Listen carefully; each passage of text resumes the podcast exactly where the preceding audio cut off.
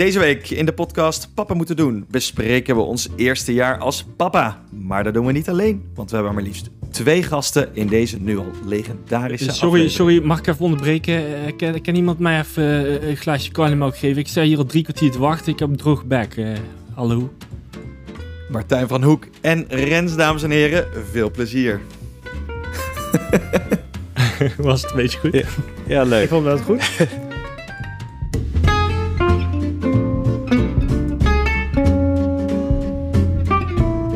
Hoi, hallo en welkom. Je luistert naar de podcast Papa Moeten Doen. De leukste podcast over de dingen die papa's doen. Met, zoals elke week, thuiswerker Maarten. Hey. En eh, thuispapa Tim.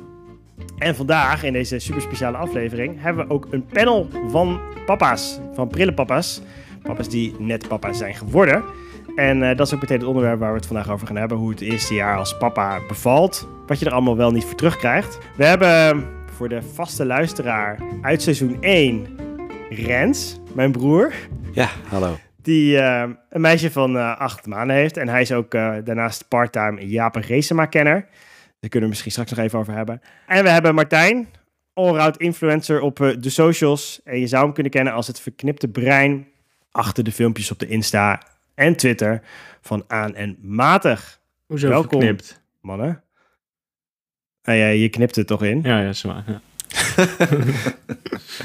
Dus we zijn eh, met, eh, met z'n vieren, vier, eh, vier papa sterk. Oh ja, voordat ik het vergeet te zeggen, Martijn is dus ook net vader geworden. En een dochter van vier maanden Yes. en een beetje. Dus nou, we zijn, we zijn goed vertegenwoordigd. Nee, dat, dat is ook denk ik belangrijk, want ja, Maarten en ik hebben natuurlijk al wat oudere kinderen. Wij zitten al in, het- in het tweede jaar als papa zijn, dus in het derde, vierde, vijfde jaar. Ja, echt oud. Zo Dus voelt het is dat goed om die frisse input een beetje, beetje te hebben. Om ons gewoon een beetje aan te vullen waar, eh, waar we misschien al dingen gewoon vergeten zijn. Want dat hoort er ook een beetje bij. Ik had, ik had gevraagd op, de, op onze Instagram-account, Pap Moeten Doen, aan onze eh, 180 volgers.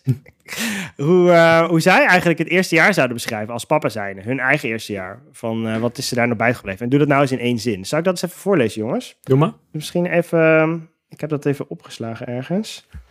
Ehm Lekker voorbereid. Ja, er hadden een paar mensen hadden daar wel op gereageerd. Nee, maar dat is goed. Even een stukje naar die community toe. Te laten weten dat we wel luisteren. Dat is wel zeer goed, eh, goed segmentje dit. Ja, maar goed, dat het lang duurt, dat knip ik er straks wel uit. Even kijken hoor. Eh pom, pom, pom, pom, pom. Ja. ja, ja, nee, hier heb ik het. Ik heb het gevonden. Valentijn, die zei... eh, het eerste jaar als papa was kort, maar de dagen waren lang. Kijk, Oeh, Ja, dat is een- d- dat daar zit wat in. Ja, ja, ja, mooi. ja. En eh, eh, Jerry, eh, die zegt het, eh, het is een mengelmoes van verbazing, verandering, verliefdheid en what the fuck. Daar kan ik me wel in vinden, ja, tot nu toe. Dus dat. Ja, is dat een beetje wat jij ook eh, tot nu toe hebt ervaren, Martijn? Ja, zeker. Eh, het, ja, eigenlijk alle clichés zijn ook gewoon wel waar. De, de, van tevoren denk je van ja, dat zal allemaal wel. Eh, maar eigenlijk alles, alles wat altijd wordt omschreven over het hebben van een baby is gewoon waar tot nu toe, in ieder geval. En het is inderdaad gewoon eh, chaos en rust. allemaal in, één dag verpakt. En, en eh, verbazing inderdaad. En eh, ja, pure liefde en pure wanhoop. Gewoon echt allemaal in één. Ja, dat is, dat is gewoon echt zo. Het zijn die momenten dat je, die zijn een beetje verneukeratief, dat je het gevoel hebt dat je het allemaal onder controle hebt. En dat je denkt, Ja. ik ben gemaakt hiervoor. Mm. En dan, dat kan zeg maar heel snel weer omslaan in totale wanhoop. En Juist, Oké, ja. nee, sorry, dit is gewoon niet voor mij. Dus, is- ja. Ja, maar dat is het. Een, een vriend van mij die zei op een gegeven moment van de grens tussen een engeltje en hardcore terror, die is gewoon zo, zo dun Ja, dat dat klopt. dat Ja. continu kan omslaan. Je weet Ja. nooit waar je aan toe bent. Wat we doen, in, eh, dat doen we eigenlijk altijd om het onderwerp, dus het, in dit geval dus het eerste jaar als, eh, als papa zijn, om een beetje in te leiden, hebben we iemand gevraagd, diegene die heet Franke van Hoeven, om eens wat tips aan, eh, met ons te delen. Zij schrijft en ze heeft een boek geschreven dat gaat over het eerste jaar voor moeders, van hè, wat zijn nou handige dingen die je wel en niet moet doen. Je kan het best als je maar gewoon nou, je een beetje scherp zet. En eh, we hebben dus aan haar gevraagd om eh, wat tips, specifiek voor papa's. Dus daar laten we even naar luisteren naar deze hulplijn van Franke van Hoeven.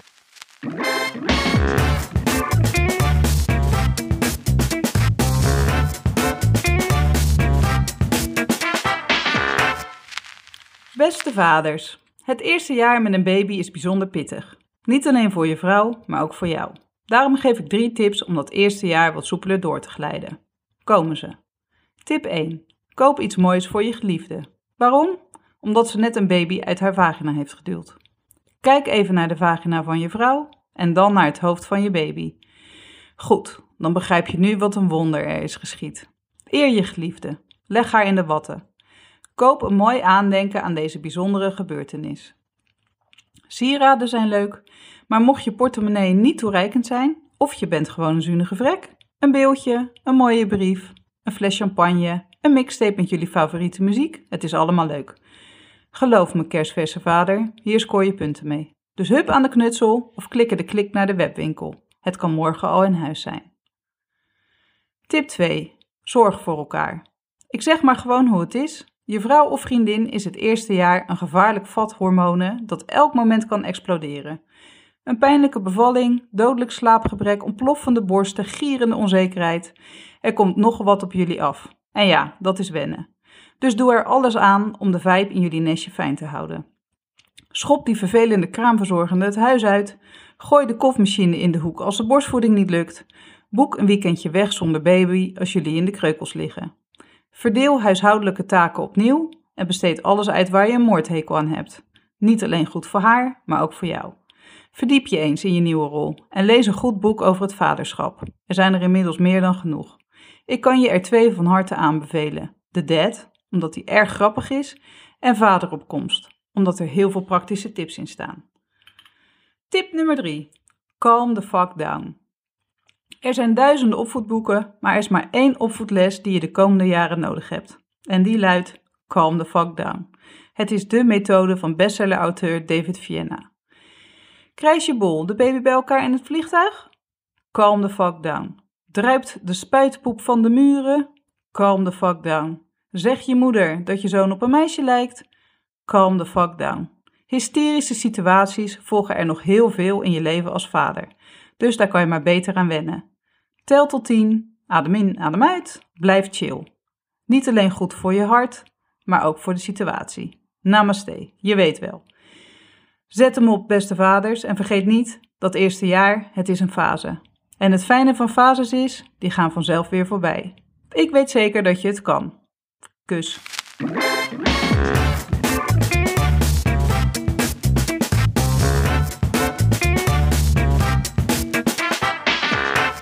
Zo'n eh, cadeau waar zij het over heeft. Baargoud. Waar? Dat noemen ze dat zo in buntgrootte. Hier heet het baargoud. Of een brief. Ja. De baar, baarbrief klinkt ook wat minder... eh, Ja, ik moest aan, aan, aan Chic. push present denken. Ja, Ja, we is hetzelfde Dat idee. is de? Engelse versie, Tim. Push gold. push gold. Gold. Oké, nou op zich wel nuttige tips. In die zin dat, dat je gewoon rustig moet blijven. Dat is een beetje waar het op neerkomt. En ze influencen nog even wat boeken. Ik vond eh, de, de laatste tip wel interessant. Ik zat te denken dat Calm Fuck Down een stuk een goede tip. Ik zat meer te denken van... kan zich ook wel een klein beetje tegen je keren... als je het soort van gaat uitspreken naar elkaar. Ja, precies. Als, je, als er één hysterisch gaat, dat je zegt... Ja, doe even dat bedoelt ze denk ik niet. Dat, dat, dat is niet hoe ze dat bedoelt. Nee. Maar dat, eh, ik denk dat je snel zou kunnen vervallen in, in die situatie. Nou, wat dat, ik, eh, dus, wat ik zelf wel eens doe om sane te blijven. Maar goed, dat, is dus, dat heeft niet zozeer met het eerste jaar te maken. Ook, maar dat gaat, dat gaat je ook nog wel verder helpen. Is dat als bijvoorbeeld twee kinderen, in mijn geval, aan het, aan het krijsen zijn om iets, maakt eigenlijk niet zoveel uit wat. Dan ga ik soort van, ehm, dan ga ik soort van out. Dus dan ga ik soort hibernate mode. Dus dan probeer ik het soort van te negeren heel hard. Dan ga ik soort van actief white noise bedenken. En dan word ik heel rustig. Maar dan word ik dus ook heel, ehm, een beetje apathisch eigenlijk. Niet meer aanspreekbaar. Nee, beperkt. Ik hoor dan dingen gewoon ook niet meer. En dat, ja, dat, daar wordt ook niet altijd heel goed op gereageerd. Van heb je, dan krijg je weer van, oh, heb je wel gehoord wat ik gevraagd heb en zo. En eh, eh, pak je kind op, troosten. Ik denk, ja, nee, ik ben nu even, even zen aan het zijn. ik ben even oud. Soms moet dat wel echt ook hoor. We waren van het weekend eh, bij een tentje in Amersfoort. Eh, met een spuitluier eh, moesten we iets doen in een, in een ding. En dat, die- dat tentje had een kinderafdeling. Dus dat helemaal vol met oud speelgoed en kinderen. Als je dan niet apathisch uitzoont, dan, dan denk ik dat het je een jaar van je leven kost. dat denk ik ook. Ik Wat denk, wil ik, zeggen, Martijn? ik, ik heb denk ik een soort van combinatie van de twee slechtste eigenschappen van de dingen die je net benoemde. Ik kan heel erg eh outzonen, zeg maar. Dus niks verstaan van wat er tegen me gezegd wordt. Maar ik ook nog compleet in de stress zitten van, van een gillende baby. Dus eh, eigenlijk, eh, eh, ja, eigenlijk eh, precies de verkeerde dingen eh, pak ik uit. Die zij als tip gaf. Eh, ik, ik moet dat nog echt onder de knie krijgen, merk ik. Hoe, Eh, hoe uitzicht dat dan? Dan zit je zeg maar in jezelf te gillen. Ja, ja, ja precies. dat een soort van eh, ja, innerlijke, innerlijke s- schreeuw of zo, ja. Nee, het is eh, dan, dan, ja, dan die stressniveaus die gaan dan gewoon heel erg omhoog. En eh, ik merk inderdaad dat het wel helpt als je jezelf een beetje rustig probeert te houden. Maar ja, soms, soms lukt dat gewoon echt nog niet helemaal. Nou, wat, wat, wat ik altijd doe, en dat is een hele slechte eigenschap, dat ik ga dan heel erg benoemen hoe het vroeger was. Oh, nee, ja, dat, dat, heel dat erg is, zeggen, dat is maar dit, dit was nooit zo. Ja. Ons leven was echt heel veel handiger Ja. dan dit. Maar dat is een heel slecht iets. Ik kan me van jou ook herinneren. Maarten, dat eh ja, ik, je hebt wel eens de uitspraak gedaan. Ja, maar dit hoort leuk te zijn. Wat krijg je er nou voor terug dan? Nou, dat, dat is het inderdaad, eh, Martijn. Die, die, ja, je krijgt er zoveel voor terug, Ja, hoor je heel ja, vaak. ja. Maar ik vraag me echt wel af wanneer dan dat precies. komt echt later. Maar dat is niet in het eerste jaar. In het eerste jaar krijg je helemaal Nee. niks te Het was toch een quote van, van Maarten, geloof ik, in een van de afleveringen. Het is, je- het is echt een investering in de toekomst. Ja, maar dat, dat is voor mijn gevoel echt zo. Ik denk dat je in je dertigste eh of je 20, 30 jaar... Dan, dan kun je ook gewoon echt een heel leuk leven nog hebben zonder kinderen. Maar als je straks op een gegeven moment 50, 60 bent... en iedereen om je heen heeft kinderen en op een gegeven moment kleinkinderen... kijk, dan begint de pijn. En die wil je voorkomen, maar dan moet je wel nu een beetje tijdig gaan beginnen. Dus, je- dus je hebt eigenlijk kinderen uit een soort van FOMO. Nou, nee, kijk, het is... Maar het hele leven ook- is ik zeg maar uit een soort van FOMO. Nee, maar voor, voordat, dit, voordat dit uit verband getrokken wordt, ik vind het nu ook wel heel erg leuk, kinderen. Ik denk alleen dat je nu ook, zeg maar, een heel ander, ook heel leuk leven hebt. Maar dat je, als je 50 of 60 bent, dat het misschien wel echt heel veel minder leuk is. eh, als je geen kinderen hebt. Dus het is nu ook leuk. Maar ik denk dat eh, het alternatief later gewoon echt, eh, dat je dan Dan pijn ben je straks krijgt. ineens 50 of 60 en dan doe je je katpakjes aantrekken en zo. Nou ja, weet je wel, dat soort dingen. Maar dat kan ook, dat kan ook leuk zijn. Maar dat, dat zou voor mij denk ik niet, eh, niet het ding zijn. Over eh, leuke dingen gesproken. We dachten, we gaan eh, dit een keertje iets anders doen dan, dan anders. We hebben één keer in seizoen 1 stellingen gedaan. En dat vonden mensen eigenlijk heel leuk. Er kwamen heel goede reacties op.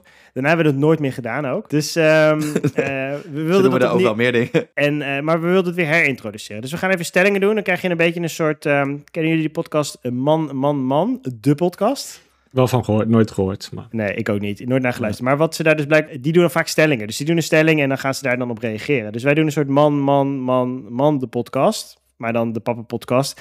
Dus we doen stellingen. Als we dan dan- even bekend worden, dan, eh, dan is dat wel prima. Dus ik begin gewoon even met de eerste. En dan eh, z- zullen we het rijtje afgaan of zo? Of degene die zich het meest geroepen voelt, die gaat eerst. Ik denk dat Rens en eh, Martijn eh, wel eh, hier een beetje de aanzet moeten geven. Dus zij Hm. zijn eh, het Maar prilste zij zitten natuurlijk allemaal. nu, precies, zij zitten nu echt in hun eerste papa-jaar. Ja. midden Want in je hebt natuurlijk, elk kind heeft zijn eerste jaar. Alleen het zit nu natuurlijk echt in het, het eerste jaar voor de papa. Dat is, eh, Ja. dat is het Ja, de allerbelangrijkste. pijn is nog heel Ja, vers. ja, Precies, Ja. als het Heel nog lekker vers is, als de wonde weet nog open is.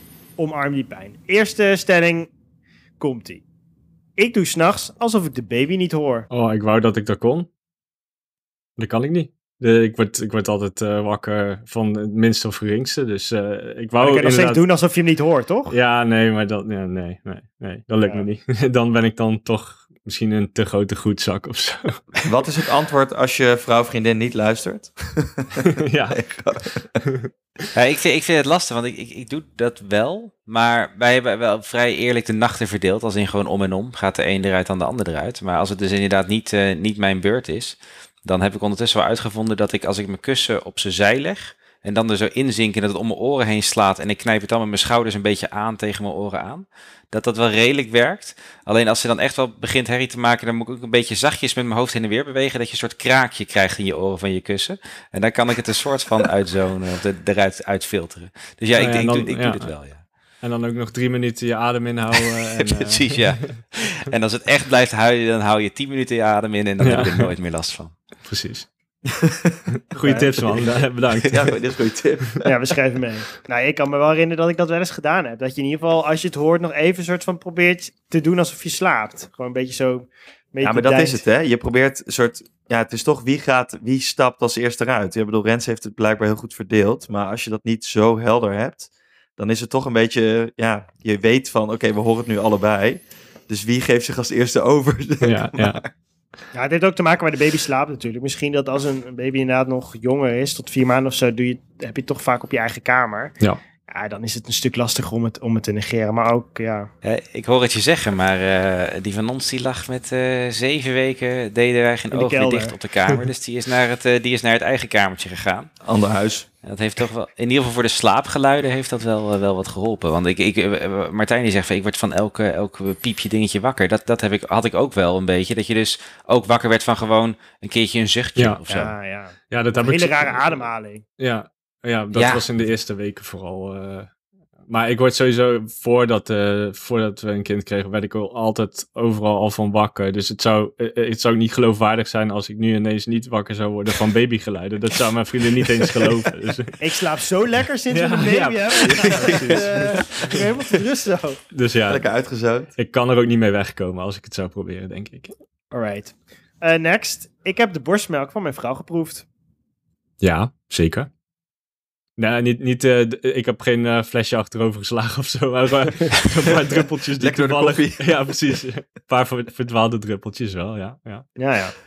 Jouw grens? Ik, ik heb dat niet, eh, niet gedaan, maar dat eh, voornamelijk eh, bij ons was er niet sprake van borstvoeding. Dus misschien als het eh, dus zo nu dan gekolfd werd en gedaan, dat het dan wel was gekomen. Maar nu, wij, wij zijn vanaf moment 1 tot het eh, eh, voor voor een flesje, flesvoeding gegaan. Als een stel loederouders. Dat weet ik niet. En, Ik bedoel, wij judgen hier niet, hè. Dit is een safe space. Nee, Zeker, dit is safe zeker. space. Oh ja, Ja, dat was ja. ik zo. Ja. ja, de vorige keer hebben we hier ook al. Dit zit nog steeds heel diep.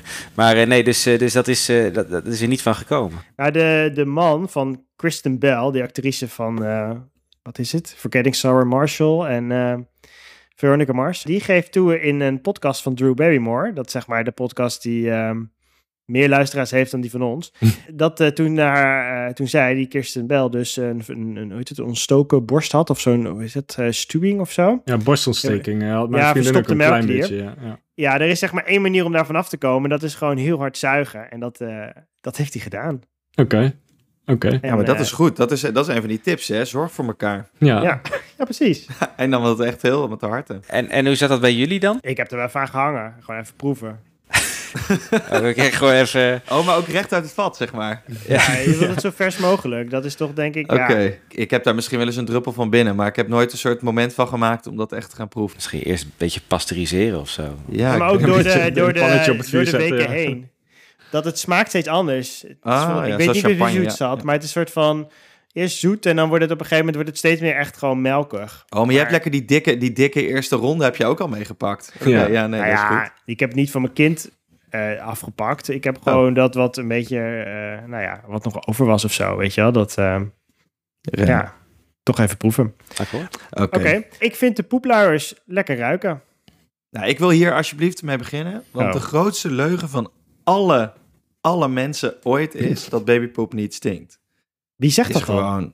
Ja, dat wordt Ja, wel dat gezegd, hoor je ja. altijd. Ja, dat wordt Nee, maar babypoep stinkt niet, want het gaat pas stinken als ze solids gaan eten. Ik ken hem als, eh, als de poep van je eigen baby stinkt niet. Ook een Eh, leugen, de opmerking. overigens. Wat overigens ook niet waar is hoor. Maar inderdaad, eh, maar, maar die ken ik wel. Dat mensen zeggen, ja, van je eigen baby stinkt het niet. Dan, nou, dan is het waarschijnlijk niet mijn baby. Maar vind je het lekker ruiken, Tim, dan? Of Martijn? Nee, ik weet, tenminste, ik vind het, de, de, de eerste poepluiers van tot en met een week of weet ik veel, vier, vallen wel mee. Ik zal het niet, ik zal het niet als, eh, eh, eh, ik ga het niet om mezelf smeren om lekker te ruiken, maar het, het, is, het is wel, eh, naarmate ze inderdaad meer gaat drinken en een beetje hapjes gaan krijgen, dan wordt het wel echt heel smerig. Dus nee, ik, ik kan er ook niet in mee dat, eh, dat, het, dat het lekker ruikt, maar ik vind, nou ja, echt stinken, ik weet het ook niet. Nee, het, het, het, het valt wel mee. Het, is, het is niet verschrikkelijk, zeg maar. Het is wel... ehm Het wat wordt ik me erger over tijd. Het wordt dat zeker is, Dat erger, is waar. Ja. Maar het is ruikt ook een eh, beetje zoet, hoor. toch een beetje weeg, wat ik me herinner. Niet zeg maar Ja, weeg. echt naar poep, poep. Ja, weeg. eh, het helpt ook niet mee dat het er zo uitziet alsof iemand Ja, ja, heel hard gesnoten heeft of zo. wat verwacht je nou? Ja, nee, dat is ook zo. Laten we snel verder gaan. Maar dit, dat zijn wel borstvoeding dingetjes. Want met die flesvoeding was het altijd wel een beetje ongeveer hetzelfde. Stonk wel enorm. Er ook een beetje naar kebab. Kebab. Kebab. Oh. Ja, we liepen op een gegeven moment liepen we, we liepen hier achter langs een, eh, een, een lokaal, eh, lokaal Turks tentje. En op een gegeven moment kwam zo'n lucht van binnen naar buiten. En we keken elkaar allebei aan en is, is, dat, is dat de baby? Nee, dat was gewoon oprecht de rol kebab die daar hing. Maar dat was eigenlijk precies de geur van de Zegt dat dan iets over dat tentje of over de poep? ja, dat- Ik moet wel zeggen, ik ben er nou niet een Turks steentje tegengekomen met diezelfde specifieke geur. Dus misschien inderdaad is het meer... eh, Nou, laten we, de- laten de we deze snel achter ons Ja, laten. oké, naar, de- naar de next. volgende stelling. Ik vind mijn kind... Oh, jij gaat. Doe maar. Ja, we Maar- gingen om en om doen, Tim. Dus, Nee, dat eh, hadden we niet eh, afgesproken. nee, we gingen ze pakken. Dus ik was nu volgens mij een goede opmars aan doen naar deze uitspraak. ik Ja. vind mijn baby best lelijk. Nee. Eh, nee. Maar ja, dit is ook zo- zo'n cliché volgens mij. En volgens mij is dat ook waar, dat je je eigen baby niet, niet snel lelijk vindt. eh. maar ik weet niet wat anderen... de- ik denk dat je dat aan anderen moet vragen of dat echt zo is. Maar Zeggen mensen dat jullie een mooie baby hebben?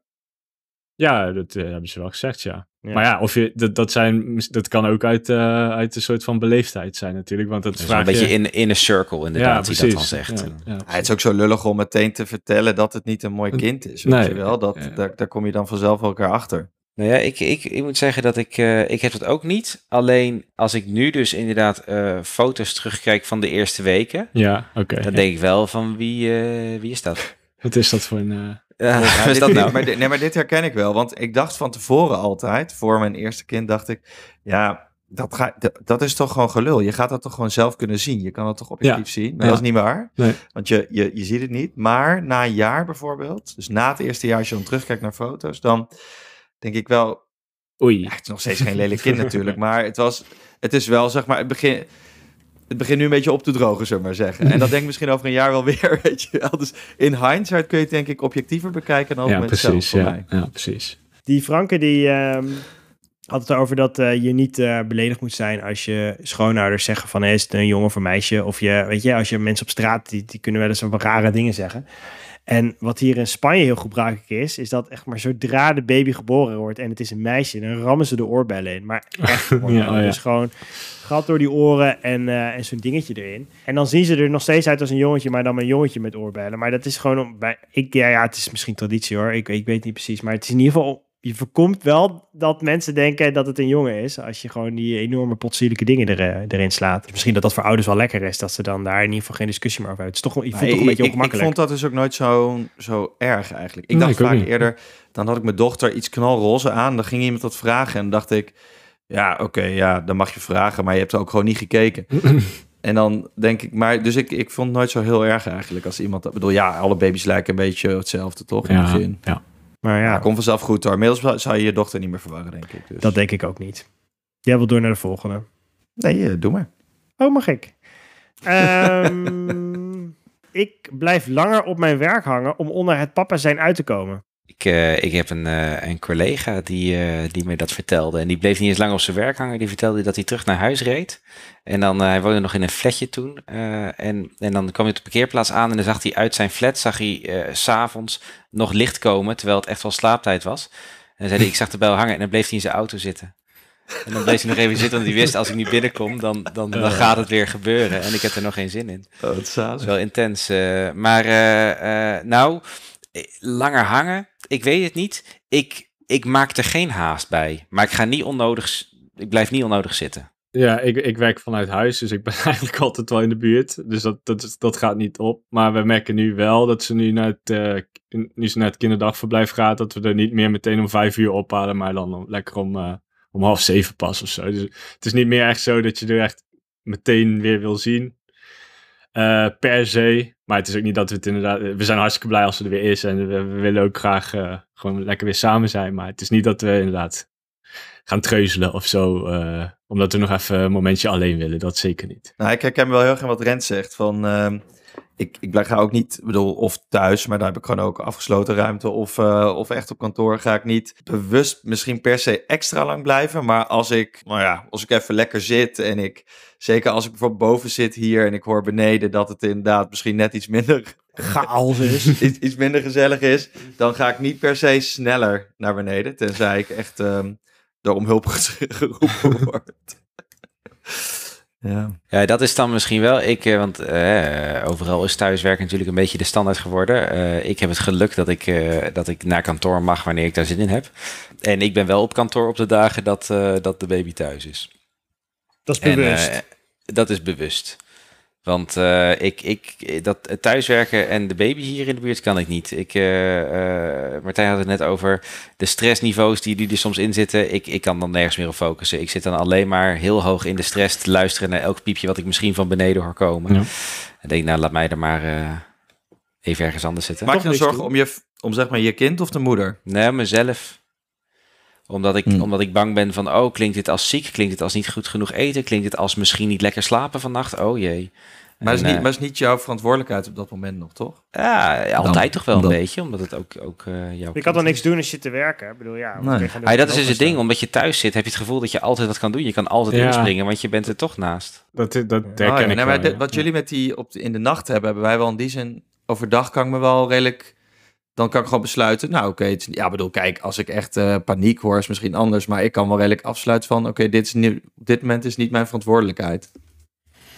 En dan is het gewoon, eh, En dat is misschien dan toch een eerste jaar papa ding. Want jullie baby's zijn al bij ongeveer vier maanden. Dus dan ben je nog zo... Oh nee, de differentie, sorry, eh, die van jou is acht. Maar als je dus zeg maar eerste jaar zit, dan is dat nog een beetje een eh, proces. Zou kunnen, dat ja. je, ja. ja. Ja, het is nog heel lastig om los te laten als je, als je in de nabijheid bent, heb Ja. ik tenminste. ja, dat heb ik ook.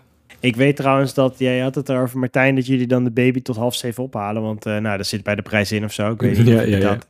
Maar eh iets in Israël hebben ze daar een keer een proef mee gedaan. Er waren ouders die kwamen structureel hun kinderen te laten ophalen van school. En toen dachten ze, nou, dat wat is irritant, want dan die juffen mee zullen ook naar huis. Zeiden ze, nou, weet je wat we doen?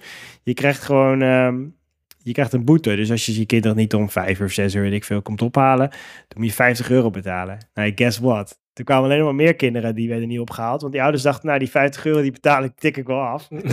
kan kan niet mooi. beschuldigen. Dat is Moet ook je mooi, ja. Ietsje langer blijven. Of twee uurtjes, ik koop gewoon de hele avond af. ja. dus dat Ja, eh, werkt dan toch niet. Wat geen Dat is wel gek gek. idee. Nou, het ding is, het, het, eh, ik wil daar toch nog even wat over zeggen. Want zo nu en dan hoor je er wel eens voorbij komen van hé, laat ophalen. Of dat je hier, eh, het zijn dan meestal moeders in de buurt die dan zeggen, ja, ik haal lekker, lekker op tijd op. Ik denk, dat, dat is al zo, maar je kind heeft het niet slecht of stom op het kinderdagverblijf. Vaak is het daar, zich er extreem aan het vermaken. Dus ik ben wel voorstander van lekker laten zitten daar eh, tot, eh tot Ja, hoe lang het precies. kan. Ja, kijk, dat, ik, ik ben dat op zich ook wel. Ik merk dat mijn vrouw ook altijd wel de neiging heeft om ietsje eerder te gaan dan dat ik dat eh, nodig zou vinden. Maar ik moet wel zeggen dat als ik daar echt laat kom, als volgens mij mogen wij, eh, we hebben niet het premium pakket, dus wij mogen volgens mij tot zes. En eh, maar als ik daar dan zeg maar om één voor zes kom, zo, zo heel soms, dan is het stresslevel zeg maar daar vaak ook hoger dan om vijf. Zeg maar, degenen die dan nog over zijn, die zijn vaak niet rustiger. Dus ik heb het gevoel ook dat het wel het laatste uur snel minder leuk wordt voor iedereen op dat Ja, kinderdagverblijf. Ja. Maar goed, ehm, door naar de volgende stelling. Ik zit niet te wachten op het advies van mijn ouders, dan wel schoonouders. Nou ja, eh, deels wel, maar deels niet. Ja, het is allemaal goed bedoeld natuurlijk, sowieso. Maar de tijden zijn ook wel heel erg veranderd sinds zij eh, kinderen hebben gekregen. Dus de- daar is heel veel, ja, er zijn heel veel nieuwe inzichten volgens mij ook weer eh, binnengekomen. En dan, ja, soms moet je gewoon echt je eigen weg een beetje proberen te vinden. En ja, andere dingen kunnen zij heel goed helpen. Maar ja, het is gewoon, het is gewoon je moet gewoon een beetje cherrypicken welke adviezen je, je wel aanneemt en, en niet, denk ik. Tenminste, zo, zo doen wij het een beetje. Wat neem je dan wel aan bijvoorbeeld? Nou ja, m- vooral in het begin eh, was eh, Mille, onze dochter, was eh, best wel onrustig, was heel bewegelijk. En eh, de moeder van mijn vriendin, die kon haar bijvoorbeeld heel goed rustig krijgen. Wij, onszelf lukte dat nog niet, niet zo goed. En dan, dan ga je dus inderdaad kijken van hoe, doet- hoe doet ze dat dan? En eh, tips, eh, die neem je dan wel aan, omdat je ziet dat het werkt. Maar je hebt ook natuurlijk heel veel, eh, ja, heel veel dingen zoals, eh, weet ik veel, eh, de manier van waarop je het flesje geeft bijvoorbeeld, is, is best wel, doen wij best wel anders dan wat, wat onze ouders eh, gewend zijn. En dat werkt dan goed. En dan doen we dat op onze manier. Dus het is, het is gewoon echt inderdaad gewoon... Je een- doet er geen drupje rummer in, zeg maar. Nee, precies. nee, precies. ja, dat, dat, dat lachen we om, maar dat werd dus wel soms wel echt gedaan. Dus dat, dat, Ja, ja, dat, Beetje, beetje, beetje jong in je never op de ja, bovenlip. ja, ja. Is lekker Ja. Blijf je er dan ook zo bij staan als je dan ziet dat ze iets doen waarvan je denkt, ja, maar dat wil ik eigenlijk niet. Dat Ja. heb ik misschien al zes keer verteld. Doe het even lekker op de manier zoals ik het Je doe. wil- Alleen maar om. ja, je wil ook niet eh, totale controle uitstralen of zo, denk ik. eh, als, je, als je moeder of schoonmoeder of wat dan ook eh, de, de, de baby eh, voeding geeft. Want het is alleen maar fijn dat ze dat doen. Maar het is, het is wel dan van, nou, dat doen wij net iets anders. Misschien, misschien zo proberen of zo. Maar het is niet dat we dus ze gaan corrigeren of zo. Want ze doen het gewoon verder hartstikke goed eh, met, met, die, met die kleine. Maar ja, er zijn altijd dingen die je zelf dan toch misschien in je hoofd beter doet. En eh, er zijn dingen die zij veel beter weten dan jij. Dus ja. Ik denk dat de, dat, dat de stelling eh, in, voor mij makkelijk beantwoorden is als het woordje ongevraagd ertussen wordt geplakt. Want eh, ik neem met liefde advies aan dat ik probeer in te winnen. Dus wat, eh, wat eh, Martijn ook zegt, er is een situatie, baby onrustig. je ziet dat moeder de, baby rustig krijgt of schoonmoeder. Oh, hoe doe je dat dan precies? Maar op het moment dat het advies komt zonder dat je erom vraagt... en hoe je dingen misschien wel beter zou Ja. kunnen doen volgens hen... Dan, dan haak ik wel vrij rap af. ja, precies. Nou ja, dat gebeurt niet zo heel vaak gelukkig bij ons. Het is altijd wel met, ja, vanuit ons komt er dan een vraag vaak. En dan, dan zien wij zelf wel wat we met het antwoord doen of met het advies doen. Maar inderdaad, ongevraagd advies is heel irritant. Misschien moet ze een Ah, podcast beginnen, dat helpt. Ja, precies, ja, die kunnen dan gewoon de hele dag advies geven... en dan kunnen mensen opt-in, zeg maar. Het stomme is, is dat iedereen natuurlijk, zeg maar, eh, heeft wel iemand die een kind heeft. En iedereen heeft wel een soort van, daar dan dus wel een mening over. Maar een of andere manier heb je toch altijd het gevoel dat het dan niet op jou van toepassing is. Dat, het, dat je denkt, ja, maar dat is, zo doen wij het niet of zo. Dat, is- dat is eigenlijk heel raar. Voelt toch een beetje alsof, eh, we hebben het een keer eerder in de podcast over gehad, dat eigenlijk is het advies, of het nou gevraagd of ongevraagd is van, van ouders, die neem je, dat neem je niet zeg maar standaard te harte. Daar ben je toch altijd wel een beetje sceptisch over. Ook omdat inderdaad, wat Martijn ook zegt, die dingen zijn veranderd. Dat je al, eh, wat je 30 jaar geleden deed, eh, doe je misschien nu niet meer. Of, of, is er een alternatief voor gekomen.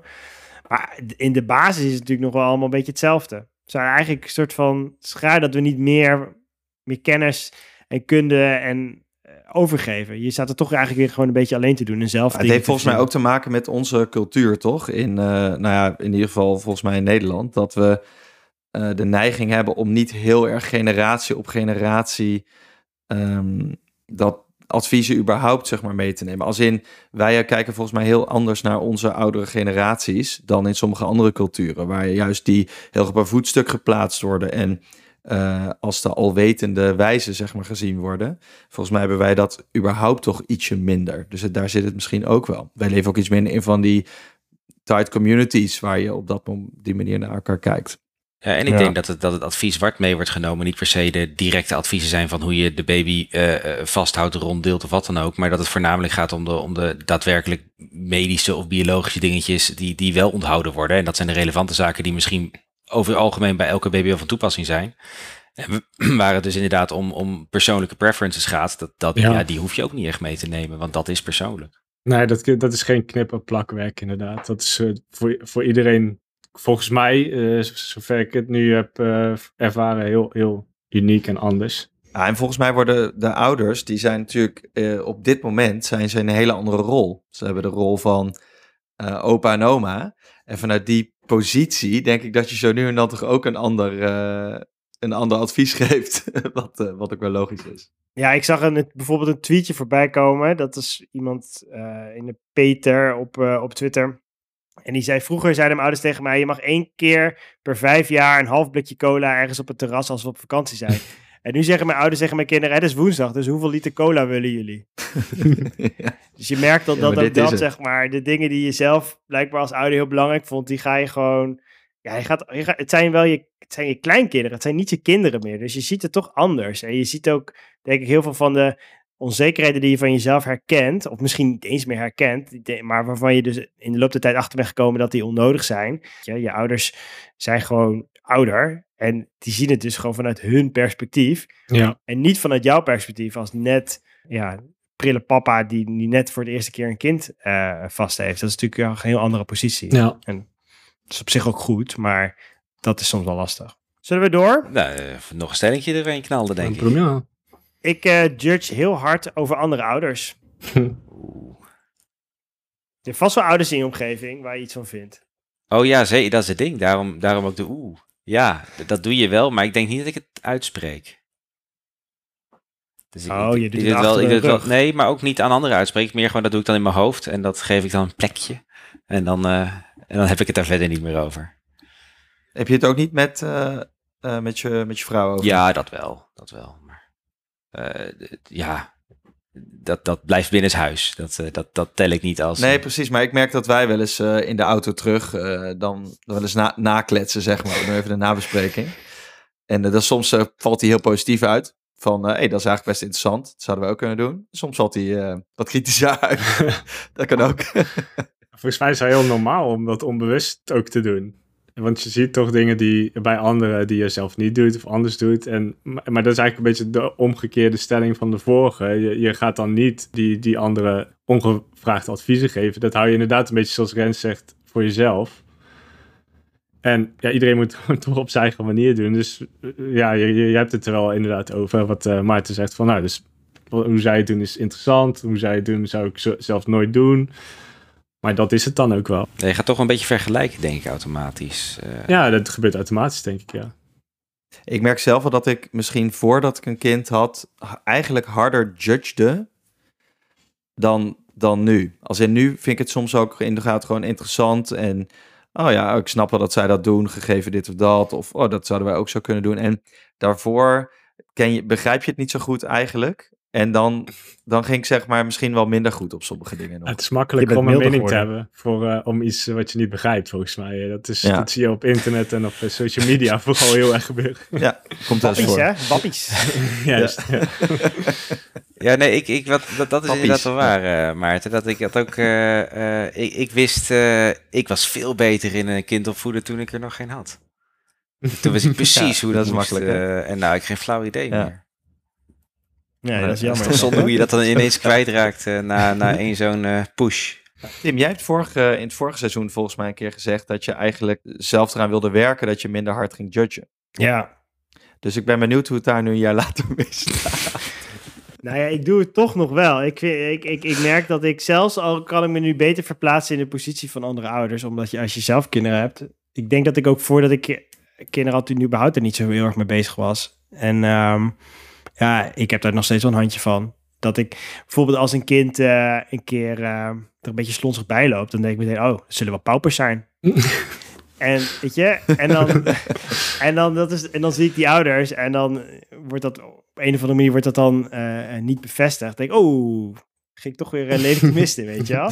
en zo zijn er meer dingen, dat, dat je zeg maar een kind iets ziet doen of... eh, ik weet, mijn vrouw bijvoorbeeld altijd zei, dat, dat zei ze dan nog wel toen we dan nog geen kinderen hadden, van nou, ik zou mijn kind nooit met een snotleus laten rondlopen. Dat vind ik zo armoedig, weet je wel, dat er het snot er uitkomt, dan sta je als ouder, dat kan toch niet? En nu hebben we regelmatig dat we zelf in de speeltuin zijn, dat de kinderen ook gewoon helemaal onder een snot zitten en denken, ja, laat maar even gaan, want eh dan maken we straks wel schoon. Ja. Dus ja, je, je wordt daar, eh, ja, maar het is niet zo dat ik automatisch anderen daardoor dan, nu ik zelf milder ben geworden, dat ik de anderen minder hard judge. Dus dat is nog wel een proces wat ik, ik aan mag. Ik merk dat, ik, het- dat het bij mij ook is eh, gekomen met eh, het krijsen van andermans kinderen. Ja, Ik, ja. ik kon het niet aan. En nu Ja. denk ik, ah, arme ouders. Of je geniet een Ja, beetje. dat, dat is het. ja, vind je dat? Ja. Dat ook, ja. St- Stiekem een beetje dat je denkt, Oeh, het is niet die Ah, van mij. je. Het is niet die van Of dat je mij. denkt, Lekker voor je. stil, want dadelijk gaat hij van mij ook af. Ja, dat kan ook nog. ja. Is. Ja. Nee, maar heel herkenbaar, Rens, ja. Ja, Oké, iets anders. We hadden het net al even over de opvang. Maar ehm, dit gaat over eh, het wegbrengen. Ik heb gejankt toen mijn kind voor het eerst naar de opvang ging. Nee, Nee. Niet? nee. Nee, ik ook niet echt. Oh jee, mag Ik had, ik, had, eh, ik, had verwacht dat dit een veel emotionele moment zou zijn, maar het ging prima. De, de- ik denk dat het ook wel te maken heeft met hoe dat de eerste contact dan is met de opvang, van of ze goed, of ze een klik heeft met, eh, met, eh, met de mensen daar. En dat was heel erg. En dat, daardoor was het eigenlijk heel, heel makkelijk.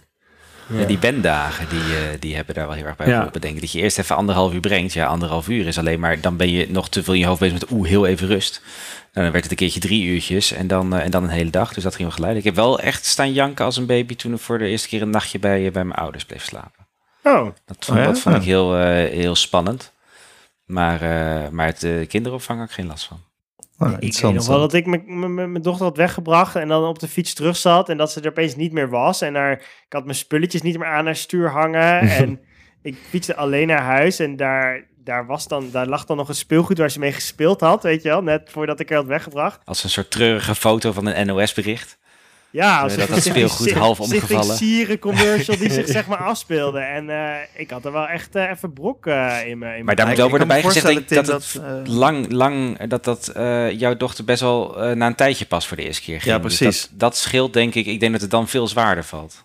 ja, dat- wel dat- anderhalf dat- jaar of zo. Precies, ja. Ja, maar dat Ja, is dus echt volgens mij een groot verschil. Want ik had best wel veel vertrouwen in, dat, eh, in die kinderopvang. En mijn zoontje ging na, ik weet het niet meer precies, maar een maatje of vier of zo. En ja, hij, heeft dat, hij had het helemaal niet echt door, weet je wel. Je geeft hem af en die mensen zijn gewoon capabel. En je ziet dat ze, dat, Ja. dat ze hem beter vasthouden dan ik, weet Ja. je wel. En mensen snel. hebben daar gewoon betere spullen ook. Dus, dus ik maakte me eigenlijk niet zo zorgen. Ik vond het ook wel lekker na al die maanden dat je gewoon heel even, weet je, dat ik juist op die fiets zat en dacht, oh, ook wel even lekker, weet je, dat je even die verantwoordelijkheid als het ware een paar uur niet hebt. Maar nu, heel soms, nu heeft hij het echt door. En meestal gaat het goed, loopt hij lachend naar binnen, gaat hij meteen spelen. Maar er zijn dagen dat hij echt, dat ik hem krijsend afgeef. Gewoon zo nu en dan, weet je wel, één keer in de maand dat ik hem echt gillend in de armen van die, van die leidsters hang. Ja, dat vind ik niet zo leuk. Dan ga ik niet met een heel prettig gevoel naar huis. Terwijl ik wel weet dat het goed komt. Ik bedoel, bij de hoek om is oké. Maar als het traantje er is, is het wel dan. En niet, eh, niet in de eerste paar maanden voor mij. Oké, ja, dat is dan misschien inderdaad... eh, ik heb het wel vaker gehoord hoor. Dat, dat, dat nou, ja, zeker in Nederland brengen ouders een kind natuurlijk relatief snel naar de opvang. Ja, wel tien weken bij ons. Maar dat was wel om een specifieke reden ook. Het mocht eh, niet eerder. dus eh, dit is dan bij tien weken. Ja, oké. Volgende. Mijn partner is een andere ouder dan ik had verwacht. Bij bij ons, eh, bij ons is dat wel een beetje zo. We hebben het daar ook wel eens over gehad. Dat ehm, mijn vrouw is iets perfectionistischer in het opvoeden, zeg maar, dan ik, denk ik. En dat, dat uitzicht, zeg maar, waardoor dat, ja, dat soms toch, toch iets anders naar kijken. En dat had ik niet helemaal verwacht. Als in, ik vind, moet ik natuurlijk goed zeggen, anders krijg ik dat. Nee, maar eh, de, het is meer, het hoeft, als het, ik vind het soort van, de opvoeding van je kind speelt zich af binnen je, binnen je huis en je huwelijk en je, en je, en je gezin. Als in dat soms is een, als het geen tien is voor je kind, maar een acht, maar daardoor wel beter is voor de gehele context, dan mag dat van mij ook. Het is wel heel cryptisch En- dit. En zij, nou, dat, en zij streeft altijd zeg maar na dat het het aller, allerbeste is voor mijn kinderen, wat heel goed is, maar dat, daardoor leidt soms Hm. eh, nou ja, je huwelijk of, je, of je, je, je gezin op dat moment zou- kan daar een beetje onder lijden. Maar dat is wel het allerbest voor het kind. En ik denk dat ik soms, niet dat dat lukt, hè, maar ik bedoel, mijn, mijn streven is soms iets meer de balans. Dus dan, nou, dan, dan, dan is het net niet helemaal perfect op dat moment. Weet je dan warm, warm ik wel een keer het flesje op in de, in de magnetron in plaats van in de, in de verwarmer, zeg maar. En dan, eh, ja, dat is, dan, dat is dan geen 10. Dan gaan er even 10% voedingsstoffen verloren. Maar ja, dan is, wel, dan is de sfeer beter, want dan helpt hij net twee minuten minder lang, weet je wel. Het is een beetje dat soort dingen. Dat soms hoeft het niet perfect te zijn, eh, vind ik. En dat zij heeft Ja. wel die neiging en dat, daar hebben we het ook wel eens over. Dat is anders dan ik had verwacht. Ja, heftig, eh, Maarten. Nee, van valt wel mee. Het is gewoon een open gesprek. Ik, ik weet niet Nee. hoe dat bij jullie Ik, eh, nee, ik denk dat, eh, eh, dat mijn partner is, is voor mij niet anders dan ik, dan ik had verwacht eigenlijk. Maar ik denk wel dat ik eh, eh, voor haar dat ben. Ja, hoezo Ik, dan? nou, ik, ik, ik was eigenlijk altijd wel een beetje relaxed en eh laissez-faire. Het komt allemaal goed. En ik ben een of andere onvoorstelbare neuroot die, die niks Ja, je kan bent een hebben. soort en- Ik had het net ook al een beetje. En, en, alles, eh, en alles moet perfect gaan. En, en eh, het, het voorbeeld van het flesje net. Nou, toen, dat, toen op een gegeven moment de overstap is gemaakt naar de flesopwarmer, naar de, naar de magentron. Ik dacht, nou ja, goed, als, eh, hè, als jij je kind wil vermoorden, doen we dat hoor. Weet je, daar kwam het, het, het, het was echt, ik, ik kon het allemaal niet aan. Dus dat is heel veel intenser dan ik dacht. En het begint nu wel langzaam aan een beetje minder te worden. Maar over het algemeen, zeg maar, met, met, met, met, om, om zo'n hele dag heen, ja, ben ik, eh, ben ik niet alleen mezelf, maar ik denk ook wel mijn partner flink tegengevallen. Dat is toch zonde? Eh, Dat had je eigenlijk liever van tevoren willen weten. Maar eh, Nou, dat is wel een ontdekking. ja, ja en, en, en mijn partner is gewoon eigenlijk, ja, ik dacht die, die zal wel redelijk chill zijn in het hele verhaal met, eh, met, met de baby. En dat gaat inderdaad allemaal hartstikke goed. Met de baby wel, maar met jou niet. Nee, maar dat snap ik. Ik zou ook niet chill zijn met mij. Nee. Oké, Martijn, jij? Nee, ik zit erover na te denken. Nee, ja, nee volgens mij niet. Jij hebt, hebt altijd een soort beeld van hoe je als ouders wordt. Maar ja, ik denk dat dat wel redelijk over... eh, We zijn er sowieso heel redelijk open ingegaan. Dus ik denk niet Hmm. dat het heel erg afwijkt van wat we van tevoren van beeld hadden. Van, eh, van het ouderschap, eerlijk gezegd. zal, ja, het zal, er zullen vast dingen zijn die, die we anders hadden voorgesteld. Maar Ik had wel verwacht dat we een soort van bepaalde soort van chillheid met elkaar zouden hebben. En, dat, en, en de, de- hoe zij zeg maar naar die baby trok, wat denk ik heel veel moeders doen. En, en daarmee mij soort van ook mijn grappen niet meer zo leuk vond. En eh, nou ja, ik merkte dat ik heel veel minder aandacht kreeg. En dat ik bepaalde dingen die normaal gesproken wel een beetje kon wingen, dat dat, dat, dat, niet, dat het niet zo ge- ge- gewaardeerd werd. Hè? Van, hé, het is gewoon knullig voorbereid. Het is gewoon, het is gewoon niet in orde, jongen. Dat ik dat wel zeg maar veel meer terugkreeg. Terwijl ik het gevoel had, toen ik er dus met haar over sprak, toen die baby nog in de buik zat, dat dat wel los zou lopen. Maar dat is Ja, maar dit, dit, is, dit is mooi, hè? dit herken ik wel. Want dat is soort de kwaliteiten die, die, die jij, of maar in dit geval dan ik, de- denk te hebben, die kwamen gewoon midden tot zijn recht ook bij een kind. wel? Ja, dat is En, en dat, dat, dat, dat, dat werd ook wel heel duidelijk. Dus dat is inderdaad totaal mijn eigen, en, en bij jou blijkbaar ook, tekortkoming. En je moet eigenlijk alles opnieuw leren. En alle dingen die je, leer, die je kende, ja, die kun je alleen nog maar op hele beperkte momenten eigenlijk inzetten. Ja, dat klopt, ja. ja, misschien, is helpt het. misschien helpt het wel dat ik en mijn vriendin hadden afgesproken dat ik geen klote grapjes zou maken in de eerste paar maanden. Misschien, misschien helpt, helpt dat Oh, jij hebt gewoon een convenant getekend. Gewoon een geen van- ja, ik heb het, eh, daar Maar dat komt dus binnenkort eh, nog, eh, Martijn. En Ja. dit is maanden Na- na opgespaard gaat straks. Dat- de rem eraf. Jij staat straks op knappen, jongen. En dan komt ja, er allemaal in één keer echt uit. staat bijna barsten. Even door. Noem één ding wat je had voorgenomen niet te doen. En uiteindelijk toch gedaan hebt nu je vader bent. Nou, ik kan, wel- ik kan wel iets bedenken. Ik had me wel echt voorgenomen dat je gewoon, eh, dat hoor ik namelijk eh, ook heel vaak andere papa's, ook in andere podcasts wil zeggen, dat je gewoon niet je telefoon bijvoorbeeld gebruikt met je kinderen erbij. Als in dat je niet op je telefoon iets gaat zitten doen met je kinderen erbij, dat dat niet het goede voorbeeld is. Maar in het kader van het uitzonen zo nu en dan, dan eh, heb ik soms, eh, dan, dan is dat wel zeg maar mijn, mijn, mijn plek waar ik me dan even naar verhuis. Voor een kort moment.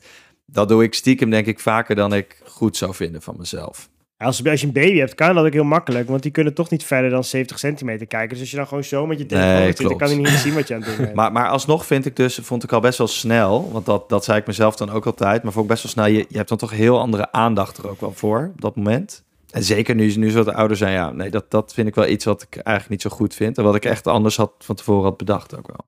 Jullie mannen, nog wat? Nee. Nee, ik zit echt heel erg hard te denken, maar ik denk dat er op me, maar, maar dat heeft meer te maken met het feit dat ik me niet zoveel dingen had voorgenomen. Oh, je hebt gewoon Nou, geen maar je had toch verwacht dat je veel, veel chiller zou blijven? Dus dat is Nou, ja, dat was niet per se verwachting. Het was meer gewoon inderdaad, ik ging ervan uit dat het, dat, dat niet zoveel zou veranderen. Dus tuurlijk, ja, ik, ik ben wat neurotischer geworden. En, en dat, dat had ik niet verwacht. Maar ik had me niet voorgenomen dat niet te doen. Ik ging er gewoon vanuit dat dat niet ging gebeuren. Ik heb wel wat. eh, wij, ja, wij hadden al vrij snel besloten om inderdaad wel borstvoeding te gaan geven. En op een gegeven moment ging dat niet meer zo heel lekker. En toen heb ik een keer s'nachts borstvoeding lopen mansplainen aan mijn, aan mijn vriendin. En dat was niet helemaal goed gevallen. Ik, ik had me voorgenomen om, om dat echt helemaal aan haar te laten. Zij weet hoe dat moet. En, maar op een gegeven moment lukt het gewoon niet. En dan zit je gewoon, ben je moe en dan wil je dat het lukt. En dan ga je in, in- ging ik om ongevraagde tips geven en zo. En dat, dat, ja, dat valt natuurlijk helemaal niet goed. En, eh, dat, Ja, je dat- moet gewoon zo doen. Ja, en je, dan- je houdt hem verkeerd vast. En, eh, knijp anders af in de voet of zo, weet ik wel. maar, nee, nee, maar dat, daar, heb ik wel sp- daar heb ik wel spijt van. En dat, sindsdien heb ik dat niet meer gedaan. Dus, Dat zijn van die heat of the moment dingetjes. Ja, ja. Ik vind kinderen die dan voor de tv gezet worden als ze eten, dat vind ik echt, of zo'n iPad voor een, voor een neus. Dat vind ik eigenlijk nog steeds niet cool. Maar nou doe ik dat soms wel. Maar ik heb het gevoel dat ik dat dan zeg maar doordachter doe dan, dan andere ouders. Dus ik heb dan het idee dat ik dat dan echt als een soort middel inzet. Van dat ik begrijp, oké, ik zet het nu aan. Ik ben eigenlijk voorstander van dat we gewoon met z'n vier aan tafel zitten, dat we lekker zitten eten. Maar soms zijn er van die momenten dat je denkt, ja, maar nu, nu kan het even niet. Bijvoorbeeld vanavond gaat weer zo'n moment zijn, dan is mijn vrouw waarschijnlijk met eten, deze er niet.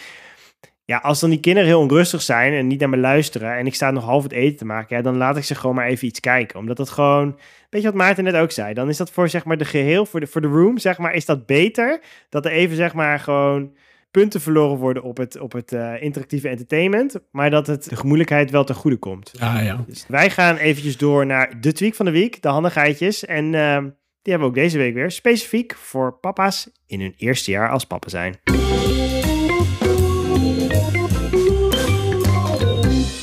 Toen wij zaten na te denken over de tweak van de week voor deze week, toen, toen dacht ik eigenlijk van een belangrijke tweak eigenlijk die ik heb, Maar dat is eigenlijk ongevraagd advies. dat is namelijk bespaar niet op de verkeerde dingen. Weet je wel, sommige dingen gebruik je gewoon continu, elke dag, tien keer per dag, terwijl je kind grilt en krijst en een scheidlager heeft. En dan moet je gewoon niet iets hebben wat niet perfect werkt. Dus bespaar niet op de verkeerde dingen, maar dat geldt voor iedereen anders. Wouter van Noord had hier bijvoorbeeld een ehm, eh, aantal afleveringen geleden in het vorige seizoen, dat hij het was een, een, een, flesjesmaker ding wat alles automatisch deed. Dus het poeder en de verwarming en alles ging automatisch. Een heel duur apparaat, een groot ding. En hij was daar helemaal lyrisch over en dat snap ik, want het is een fantastisch ding. Maar ik heb een tweak meegenomen die wat meer budgetvriendelijk is. Het is, eh, ik laat het even zien aan de, aan de mensen die, eh, die hier in de podcast erbij zitten, aan de vier papa's. En dan mogen jullie even kort omschrijven hoe het eruit ziet. Een soort drinkbeker lijkt het. Beetje breed aan de onderkant. Een soort tubetje. Ja, het lijkt op een soort eh, verdeelbakje voor voeding, maar dan heel groot. Ik dacht dat Nou, het zo'n verftube was, maar het zal het niet zijn, denk ik. Nou, als je de verf instopt, dan, eh, dan moeten we even, even kletsen. Nee, het, is, eh, het heet de Philly. De Qu- Quick Click Baby Feeding Dispenser. Rens maar. al het dichtst erbij. Ja, het is een plastic, eh, een plastic eh, ja, tube eigenlijk. Of nee, wat is het? Een, een Cilinder. Een soort pla- cilinder, plastic cilinder. Je doet daar dus aan de onderkant, draai hem los. Doe je al je babypoeder in. Wat je lekker van de, de hoe heet dat spul? Nutrilon, Kruidvat, eigen merk eh, babypoeder. En je staat altijd te klooien met die afschraapbakjes en lepeltjes en gezeik. En eh, ik vond het dus helemaal niks. En als je wegging, dan had je van die kleine bakjes die je op elkaar kon stapelen, waar dan eh, dat je moest afmeten van tevoren. Allemaal heel onhandig. En dit ding heeft mijn leven veranderd. Het is een. Je houdt hem op. Je doet bovenin het spul erin. Je houdt hem op de kop. En je klikt. En met elke klik komt er één. Een lepeltje met eh, een, een afgestreken. Oh, dus hij doet elke keer een lepeltje. Dus in plaats van dus dat je zelf een lepeltje pakt, deze die doet een lepeltje. Dus als je er dan een flesje waar dan zes in moeten, dan klik je hem dus zes keer en dan komt zes keer poeder uit. Mega handig. Geen gore handen meer. Dat, dat spul. Maar zijn die lepeltjes dan universeel? Dat heb ik nooit geweten. Is het zeg maar, oké. Ja. ja. Ja, het is altijd hetzelfde. Extreem handig. En eh, wij, zo, we zijn eigenlijk eh, relatief duur voor een beetje plastic. Maar bij de Kruidvat waren ze een tijdje geleden heel goedkoop. Dus toen hebben wij groots ingeslagen. Dus als je zeg maar een kind krijgt eh, in onze omgeving in het komende jaar, dan, dan heb je de kans dat je hem ontvangt. Gewoon een Omdat cadeaumand lekker aangevuld met, eh met Phillies. Nou ja, ik vind het een goede tip. Ik wilde er nog iets aan toevoegen. Wat ik me in het eerste jaar heel erg realiseerde, is dat omdat je zoveel spullen bij je hebt.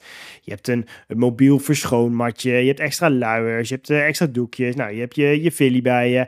En ik ben dan altijd heel erg geneigd om dat dan allemaal uit het zicht te raken. Of dat het een beetje snel ongeorganiseerd wordt. En waar ik dan altijd bang voor ben, is dat ik dan mijn waardevolle dingen kwijtraak. Als ik dan ergens mijn baby sta te verschonen of zo. Of dat iemand in mijn tas graait of zo. Ja, goed, dat, ik weet niet in hoe, hoe crimineel het is waar jullie wonen. Maar dat, je moet gewoon op je spullen letten. En als je met een baby bezig bent, dan gaat dat, dan gaat het dus niet. Maar wat heb ik nou als, eh, als een soort van extra tweak eh, deze week?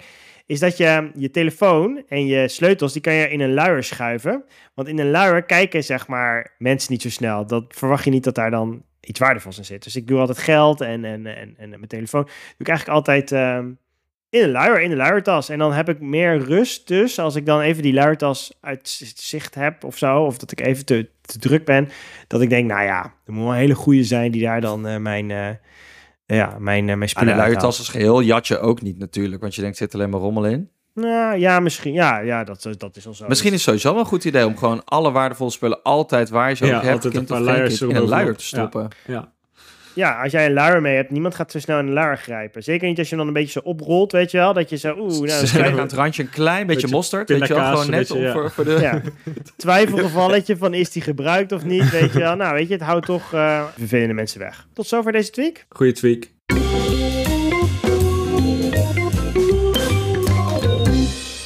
Ja, en dat brengt ons aan het einde van deze aflevering van Papa Moeten Doen. En zoals altijd verwijzen we dan even mensen door naar onze Insta, het Papa Moeten Doen. Daar kunnen ze kijken naar ehm, leuke stories en zo. Met Leuke stories, leuke, leuke dingen, leuke, leuke, dingen. plaatjes. Volgende, volgende aflevering, wat we dan hebben. Wat we ook leuk vinden, is als je dit nou geluisterd hebt en je denkt, hey, dit was een leuke aflevering, ik heb nog nooit naar Papa Moeten Doen geluisterd, maar hey, dit, eh, dit wil ik eigenlijk wel vaker doen. Weet dan één ding, deze aflevering is niet representatief voor de andere afleveringen. Die zijn namelijk nog leuker.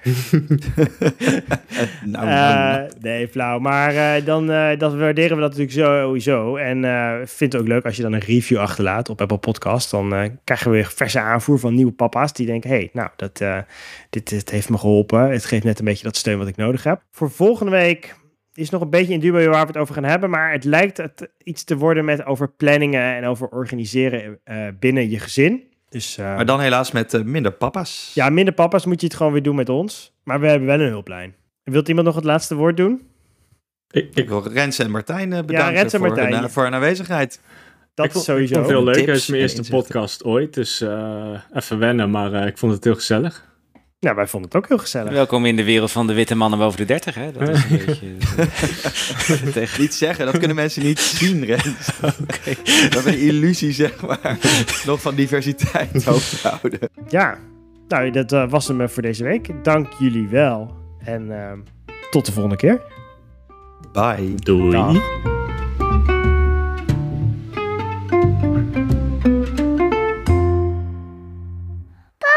moeten doen. bunu üçle.